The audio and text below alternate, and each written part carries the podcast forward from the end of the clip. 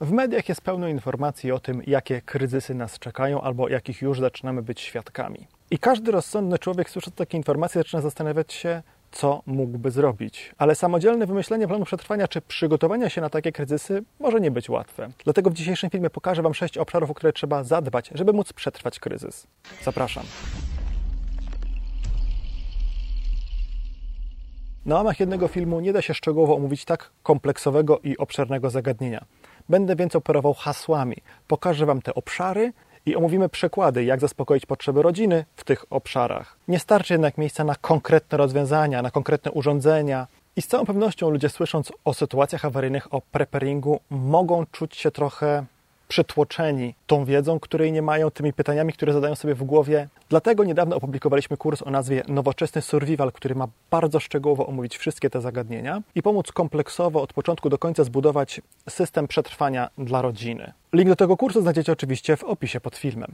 Na pewno znacie survivalową zasadę trójek, która mówi, że przetrwamy 3 minuty bez tlenu, 3 godziny bez schronienia w złej pogodzie, 3 dni bez wody i 3 tygodnie bez żywności. Ta zasada też przełożona na przygotowanie na sytuacje awaryjne pokazuje, że absolutnie najważniejszą rzeczą, które, o którą powinniśmy zadbać jest woda bezpieczną, zdatną do picia wodę mamy teraz w kranie z wodociągu, który do działania wymaga prądu i sprawnych rur i może przestać działać. Woda zresztą może być w nim w jakiś sposób choćby wtórnie, choćby złośliwie skażona. I nie mamy już dziś lat 40., kiedy na każdym podwórku za kamienicą była studnia, do której można sobie było pójść po wodę. Nie. A zatem trzeba zacząć od zrobienia zapasu wody w domu, w mieszkaniu, najpierw zidentyfikować, że każdy z nas ma niewielki zapas wody w spłuczce i pilnować, żeby na przykład pierwszą rzeczą po wstaniu rano nie było sikanie i spłukiwanie, tylko na przykład odkręcenie kranu.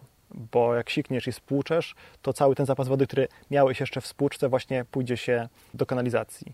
I myślę, że kilkadziesiąt litrów wody w zapasie w domu, nawet w mieszkaniu, to jest takie sensowne minimum. Człowiek potrzebuje kilka litrów wody dziennie i to tylko do zaspokojenia fundamentalnych potrzeb, do picia, do ugotowania ryżu, żywności. No więc przynajmniej 4-5 zgrzewek wody mineralnej, albo takie duże 5-litrowe baniaki, albo inne tego typu rozwiązania w każdym domu powinny się znaleźć. Tylko, że taka woda błyskawicznie się skończy. Więc tu sięgamy po drugą warstwę zabezpieczenia na tego typu sytuacje. Mianowicie musimy mieć czym tę wodę do domu domu przynieść coś lepszego niż wiadro do mycia podłogi albo wiadro po koszu na śmieci. Z wiadra woda się wychlapuje, zamykane pojemniki, wiecie, tego typu rzeczy. Trzeba mieć, trzeba wiedzieć skąd tę wodę do domu przynieść. Jeśli mieszkamy na jakimś osiedlu, gdzie nie ma żadnych studni, gdzie nie ma żadnych strumyków, to co wtedy? Pewnie wtedy wsiądziecie na rower i pojedziecie rowerem po tę wodę gdzieś dalej. No ale to musicie znać takie miejsca trzeba mieć jakiś sprzęt do pozyskiwania tej wody. Przecież w Polsce bardzo często pada. Znaczy, to jest akurat nieprawda, ale to, to, to, co, jak już będzie padać, to będziesz stać z otwartą buzią i czekać, aż cię deszcz napoi? Nie. Możesz zebrać deszczówkę z dachu na rozpiętej między drzewami pałatce, czy plandece, czy folii. Możesz wystawić dwa kije, jeden od szczotki, drugi od tego mopa do podłogi y, z zasłonką prysznicową przez balkon i odpowiednio uformować z tego lejek. Może trochę wody zbierzesz. Tu chodzi o tego typu rzeczy, które wielu z nas pewnie w domu już ma, tylko może nie zawsze zdajemy sobie sprawę z tego, że można je w tym celu właśnie wykorzystać. No i na końcu, jak już mamy tę wodę w domu, przyjmijmy, trzeba tę wodę jakoś uzdatnić do picia. Najlepszą metodą do tego celu wydaje się być oczywiście gotowanie. Nie bez przyczyny mamy na ten temat osobny materiał na kanale. Ta metoda jest dobra, ale ma swoje ograniczenia. Nie usunie zanieczyszczeń chemicznych. Wymaga paliwa, wymaga czasu. Wyobrażacie sobie dezynfekowanie w ten sposób kilkunastu litrów wody, żeby cała rodzina mogła się raz na kilka dni umyć? Zresztą, co ja mówię, i tak codziennie będziesz potrzebować te kilkanaście litrów wody dla rodziny. Będziesz to codziennie gotować? Więc trzeba kupić filtr do wody albo jakąś inną metodę uzdatniania. SteriPen, czyli taką e, śmieszną latarkę świecącą ultrafioletem, która również zanieczyszczeń chemicznych nie usunie, ale za to zneutralizuje bakterie i wirusy. Dobre i to. I zadbanie o to, żebyśmy w domu mieli wodę, wydaje mi się być najważniejszą rzeczą. Zawsze mówiłem, że trzeba mieć najpierw pieniądze, taką choćby niewielką poduszkę finansową, no nie? Ale jak już tę niewielką poduszkę finansową mamy, to żeby coś kupować właśnie pod tym kątem. Na drugim punkcie zawodą jest żywność. Dlaczego druga? Po pierwsze dlatego, że bez żywności wytrzymamy dłużej, po drugie, dlatego, że prawie każdy z nas ma w domu jakiś zapas żywności, choćby był to tylko kilogram ryżu i jakieś przeterminowane konserwy gdzieś tam w głębi szafki. Zapas żywności oczywiście trzeba mieć, jest szereg metod robienia takiego zapasu żywności. E, nie zaskoczę Was, też był film na ten temat. Wzrost cen żywności z rzędu 20%, nie? czyli zjadając dziś z zapasu to, co kupiliśmy tam rok temu 20% taniej, oszczędzamy 20%. Korzyść z posiadania zapasu żywności będzie nie tylko w razie głodu czy wojny, lecz także w razie inflacji. Jaki ten zapas żywności, Krzyśku? Możecie zapytać. Na dwa tygodnie. Zrobicie zapas na dwa tygodnie, zróbcie drugi na dwa tygodnie, będziecie mieli na miesiąc. Będziecie mieli pieniądze, będziecie mieli miejsce, żeby trzymać jeszcze coś, powiększcie ten zapas. Niemal zawsze większy zapas jest lepszy. Ale każdy zapas, nie tylko żywności, wody tak samo, wszystkiego, każdy zapas prędzej czy później się skończy. A więc jeśli chodzi o żywność, nie możemy opierać się wyłącznie na zapasie. I tak jak powinniśmy wiedzieć, gdzie są źródła wody, tak samo powinniśmy mieć, znać jakieś źródła żywności. W Polsce jest mnóstwo roślin jadalnych. Jakbym się teraz tutaj rozejrzał, to mógłbym spokojnie, prawdopodobnie przez kilka dni żywić się tym, co znajdę tutaj. Nie? Po paru dniach byłbym tym już znudzony. Może pozyskanie odpowiedniej ilości kalorii byłoby trudne, ale zawsze lepiej jest mieć właśnie ten fundament żywności, ten fundament kalorii w zapasie, ryż, makaron, kaszę i zbierać tylko zieleninę na witaminy. Zapas uzupełniamy o to, co znajdziemy dookoła, o znane rośliny jodalne, które umiemy rozpoznawać w okolicy, które wiemy, gdzie rosną, znamy ich stanowiska, czy o żywność, którą samodzielnie produkujemy. Na przykład jak ktoś jest wędkarzem, albo choćby trzy doniczki z jakimiś ziołami na balkonie. One nie dadzą dużo kalorii, ale dadzą dużo cennych składników odżywczych. Może na działce pod miastem posadzicie kilka drzew owocowych i potem z tych jabłek będziecie mogli zrobić sos do makaronu albo dżemy. Dżemu się chyba z jabłek nie robi. Nie wiem, coś innego, tak? kompoty, duszone jabłka, cokolwiek, nie? Suszone jabłka. Czy muszę zaznaczać, że własne jabłka są zawsze tańsze i lepsze niż te ze sklepu? Po pierwsze, bo są tańsze, po drugie, dlatego, że mamy kontrolę nad ich jakością nie muszę. To jest ta korzyść na co dzień, a w trudnych czasach częściowo się nimi wyżywimy. Tylko co nam po tym ryżu, jeśli nie będziemy mieli czym go ugotować, bo nie będzie prądu albo gazu, albo gazu i prądu. A więc w aspekcie żywności również trzeba zadbać o metodę przygotowywania posiłków, o kuchenkę turystyczną na propan czy na benzynę, może o kilka jednorazowych grillów, grilli, grillów. Wiecie, to takie główne aluminiowe, jednorazowe. Nie jest to najlepsze rozwiązanie, ale lepsze niż nic. Lepszy będzie zwykły grill z kilkoma workami węgla. W ostateczności ugotujecie na nim obiad, ryż, wodę. Może składana kuchenka turystyczna na drewno. Może taka gadżeciarska kuchenka, co jeszcze wytwarza prąd. To się naładuje telefon, naładuje się latarkę. A może w ogóle nie potrzebujecie tego typu rzeczy, bo macie w domu ociekacz na sztuce ze sklepu IKEA i wiecie, że można go w razie czego zamienić na palenisko na drewno, na patyczki. A może po prostu nauczyliście się gotować na ognisku. Nie trzeba od razu kupować, ale musicie wymyślić, znaleźć metodę na to, jak w razie czego przygotuję posiłki, zagrzeję wodę, żeby umyć tyłek noworodkowi, czy zagotuję tę wodę, żeby móc zrobić mleko modyfikowane. O tym, że powinniście mieć zapas tego mleka modyfikowanego albo innych produktów, jeśli wasi bliscy mają jakieś specjalne potrzeby żywieniowe, to nawet nie wspominam, bo to jest oczywiste. Bardzo ważnym aspektem przygotowań na sytuacje awaryjne, obszarem przygotowań na sytuacje awaryjne jest gotowość do ewakuowania się. Bo to, że będziemy mieli w domu zapas wody i żywności pomoże, kiedy będzie gdzieś daleko wojna, tak? kiedy wróg będzie bombardować zakłady wodociągowe albo utrudniać dostawy żywności. Ale to nam nijak nie pomoże, kiedy rosyjskie rakiety będą spadać na nasze domy. Wtedy po prostu nas w tych domach powinno nie być. Więc musimy zadbać o to, żeby w razie takiej sytuacji móc się szybko zabrać z domu do innego, bezpieczniejszego miejsca. Czyli po pierwsze, trzeba zidentyfikować to miejsce dziś, teraz, nie za miesiąc, nie za rok, nie kiedy te bomby zaczną spadać, teraz, jak najszybciej. Trzeba wymyślić, dokąd w razie czego pojechać. Jeśli ktoś ma pieniądze, jest w stanie sobie kupić domek gdzieś na działce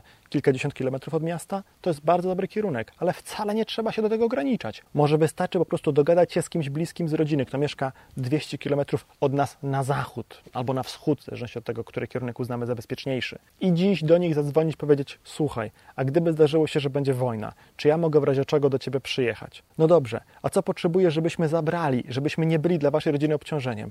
I po prostu dziś kupujesz te rzeczy. Tym celem ewakuacji może być równie dobrze hotel, czy wynajęte mieszkanie gdzieś indziej, nie wiem, nawet w sąsiednim państwie. I żeby móc się na ten wariant przygotować, trzeba po prostu odłożyć pieniądze, najlepiej w obcej walucie. Pamiętacie na pewno, że Ukraińcy, którzy przyjeżdżali do nas przez wojnę do Polski, mieli duży problem, jeśli mieli ze sobą wyłącznie ukraińską chrywnę dużo łatwiej było im płacić złotówkami albo mieć euro czy dolary na wymianę w kantorze, bo dużo mniej tracili na kursie wymiany. Musisz mieć metodę, jak tam dotrzeć. Czy samochodem, czy rowerem, czy pieszo, czy pociągiem, autobusem, PKS-em. To nie są złe metody, zwłaszcza jeśli ktoś nie ma innego wyboru, tak? Wtedy trzeba tylko po prostu zadbać o to, żeby móc się w razie czego szybko zabrać i na ten pociąg polecieć, pobiec, y, pojechać, żeby nie czekać, aż pociągi będą pełne ludzi uciekających z miasta. Jeśli samochodem, to którędy, jaką wybrać drogę, czy tam nie będzie jakichś mostów, zjazdów, miejsc, które często się korkują, gdzie często są wypadki. Jeśli wielu ludzi ruszy samochodami, żeby uciekać z miasta, tam na pewno będą wypadki. Jeszcze gorsze niż w każdy wakacyjny weekend. Trzeba wymyślić sobie procedurę ewakuacji, czyli dokument pokazujący na przykład, kto wraca do domu po psa, jeśli okaże się, że potrzeba ewakuacji wypadnie wtedy, kiedy ty byłeś w pracy i żona była w pracy. Kto pojedzie po psa, kto pojedzie po teściową, kto odbierze dzieci ze szkoły, nie? Wszystko po to, żeby później nie trzeba było gorączkowo się komunikować, myśleć, tylko po prostu robić to, co sobie wymyśliliście. Dzięki temu ewakuujecie się szybciej, ale także tak zwany zestaw ewakuacyjny, czyli wszystkie rzeczy, które będą Wam potrzebne podczas ewakuacji. Są ludzie, którzy nawet planują, że ewakuują się do lasu, nie? do takiego miejsca jak tutaj, z zestawem, który im pozwoli tam przetrwać kilka dni. Ja uważam, że to nie jest dobra strategia, ale może w tym zestawie, jeśli planujesz uciekać pieszo przez las, powinien być w zestawie dla Twojej rodziny namiot, śpiwory, plandeka chociaż ze sznurkami, żeby z tej plandeki zrobić zaimprowizowane schronienie na szlaku. Sami widzicie, tutaj jest wiele różnych opcji do wyboru. O zestawach ewakuacyjnych, o rodzajach tych zestawów też był osobny materiał. Oczywiście, nie każdy kryzys będzie wymagał ewakuowania się. Bardzo często bezpiecznie będzie po prostu zaszyć się w domu i ten dom też musi być odporny na trudne czasy. Oprócz tego, żeby w tym domu były zapasy żywności i wody, jak już wspomniałem, trzeba mieć zapas na przykład baterii do latarek albo świec, żeby można było sobie poradzić, kiedy przez kilka dni nie będzie prądu. Tylko wiecie, akurat oświetlenie to jest jedynym najmniejszym problemem. Trzeba móc ten dom czy mieszkanie w sytuacji awaryjnej ogrzać, kiedy zabraknie gazu, bo będziemy go solidarnie oddawać potrzebującym Niemcom. Jeśli masz możliwość, instalacja paneli fotowoltaicznych na dachu jest świetnym rozwiązaniem, bo odpowiednio zrobiona da Ci prąd w sytuacji awaryjnej. Jeśli nie masz takiej możliwości, to może jakiś chociaż akumulator z samochodu przyniesiesz i przetwornicę i jeden panel fotowoltaiczny wystawisz gdzieś na balkonie. Może akurat u Ciebie sprawdzi się normalny agregat prądotwórczy no to, no to kup go i, i, zapas paliwa do niego, naucz się go obsługiwać. Nie? Sami widzicie, tutaj jest mnóstwo różnych rozwiązań do wyboru, ale chodzi o to, żeby po prostu mieć energię, mieć ciepło. Chodzi też o to, żeby móc na przykład włączyć radio i posłuchać tego, co dzieje się na świecie. Może zainwestujecie czas w amatorskie krótkofalarstwo, żeby móc się dowiedzieć, co dzieje się dalej no, niż tylko powiedzmy Radiem CB. Radio CB też jest świetnym rozwiązaniem. Wreszcie, ten dom powinien być tani w utrzymaniu. Ten dom nie może być sam z siebie źródłem trudnych czasów, nie może ich utrudniać. Jak ktoś ma olbrzymi dom, który jest bardzo trudno ogrzać i potrzebuje, nie wiem, 10 ton węgla spalić y, co roku, no to jak węgiel kosztował 800 zł za tonę, to to było bardzo dużo. Ale jak teraz będzie węgiel kosztował 3000 zł za tonę, to będzie to bardzo, bardzo dużo. Jeśli kredyt na budowę tego domu kosztował Cię pół pensji, pół jednej pensji, a teraz kosztuje Cię całą jedną pensję z dwóch, które masz w rodzinie, no to jesteście w czarnej. Tego właśnie trzeba byłoby unikać, że dom może być dla Was źródłem trudnych czasów. Piąty obszar, o którym powiem najmniej, ale to nie oznacza, że jest najmniej ważny, jest zdrowie. Powiem o tym najmniej, bo absolutnie nie jestem fachowcem, nie jestem lekarzem, tak? nie prowadzę idealnie zdrowego trybu życia. Mógłbym sobie zarzucić naprawdę wiele rzeczy, ale o jedno uważam, że zadbałem świetnie. Chodzi mi tutaj o zęby. Co w obszarze tego zdrowia? No, zacznijcie ten zdrowy styl życia. Jeśli potrzebujecie, zrzućcie te nadmiarowe kilogramy, które powodują większe ryzyko chorób cywilizacyjnych. Zawał serca to jest definicja trudnych czasów. Jak ty zejdziesz na zawał serca i twoja rodzina będzie gdzie? Znowu w czarnej. Jeśli jesteś obciążony genetycznie nowotworami, no to zaskoczy cię. Badaj się regularnie. Polska to nie jest USA, u nas się przez leczenie raczej nie bankrutuje, ale wiele rzeczy nie da się w Polsce bezpłatnie wyleczyć, no to są potrzebne pieniądze.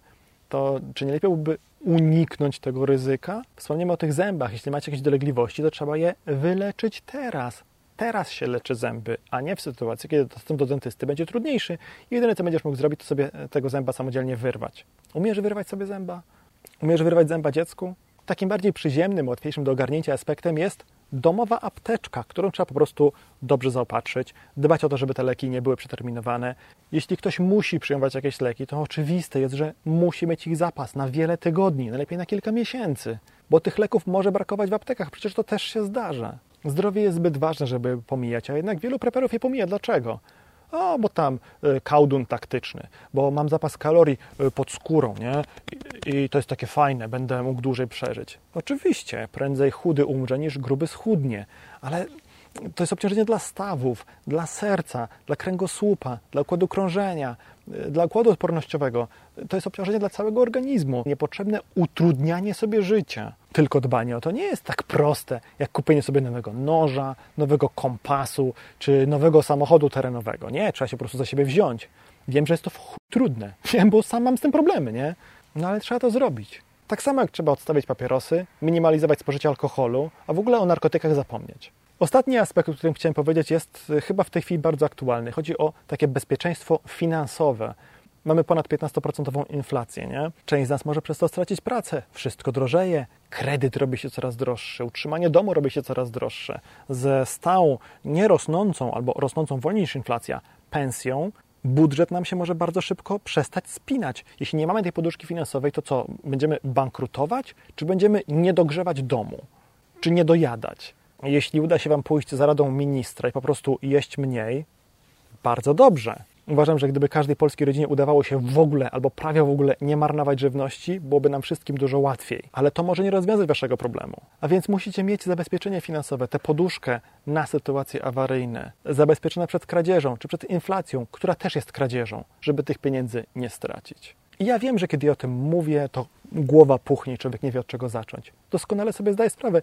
Ja też kiedyś byłem na tym etapie. Kilkanaście lat temu, kiedy zaczynałem się interesować przygotowaniami na sytuacje awaryjne, y, byłem, w, delikatnie mówiąc, w kropce. Nie? Mnóstwo fantastycznych produktów, które można kupić. Super kompasy, super racje, super plecaki, super noże. Każdy najlepszy, bo każdy zawsze przecież sprzedawca mówi, że jego sprzęt jest najlepszy. Jego sprzęt rozwiąże problemy mojej rodziny. I ja nie wiedziałem, co kupić, nie? Nie wiedziałem, y, gdzie położyć nacisk. Zawsze miałem za mało pieniędzy. Nie wiedziałem, od czego zacząć, tak? Na co w pierwszej kolejności te pieniądze wydawać. I ja wiem, że wiele osób może być dokładnie w takiej samej sytuacji. Po to właśnie powstał ten kurs o nowoczesnym survivalu, do którego link jest w opisie pod filmem, żeby pomóc to po kolei poukładać. Tam jest 7 mniej więcej godzinnych, godzina, półtorej bloków omawiających po kolei konkretne aspekty przygotowania sytuacji awaryjne, konkretne obszary, w których trzeba coś zrobić. Omawiamy na przykład różne metody zaopatrzenia w wodę, różne filtry i pomagamy wybrać najlepszy. Jeśli nie wiesz od czego zacząć, nie przejmuj się. Każdy z nas tam kiedyś był. Ten kurs będzie świetnym punktem wyjścia.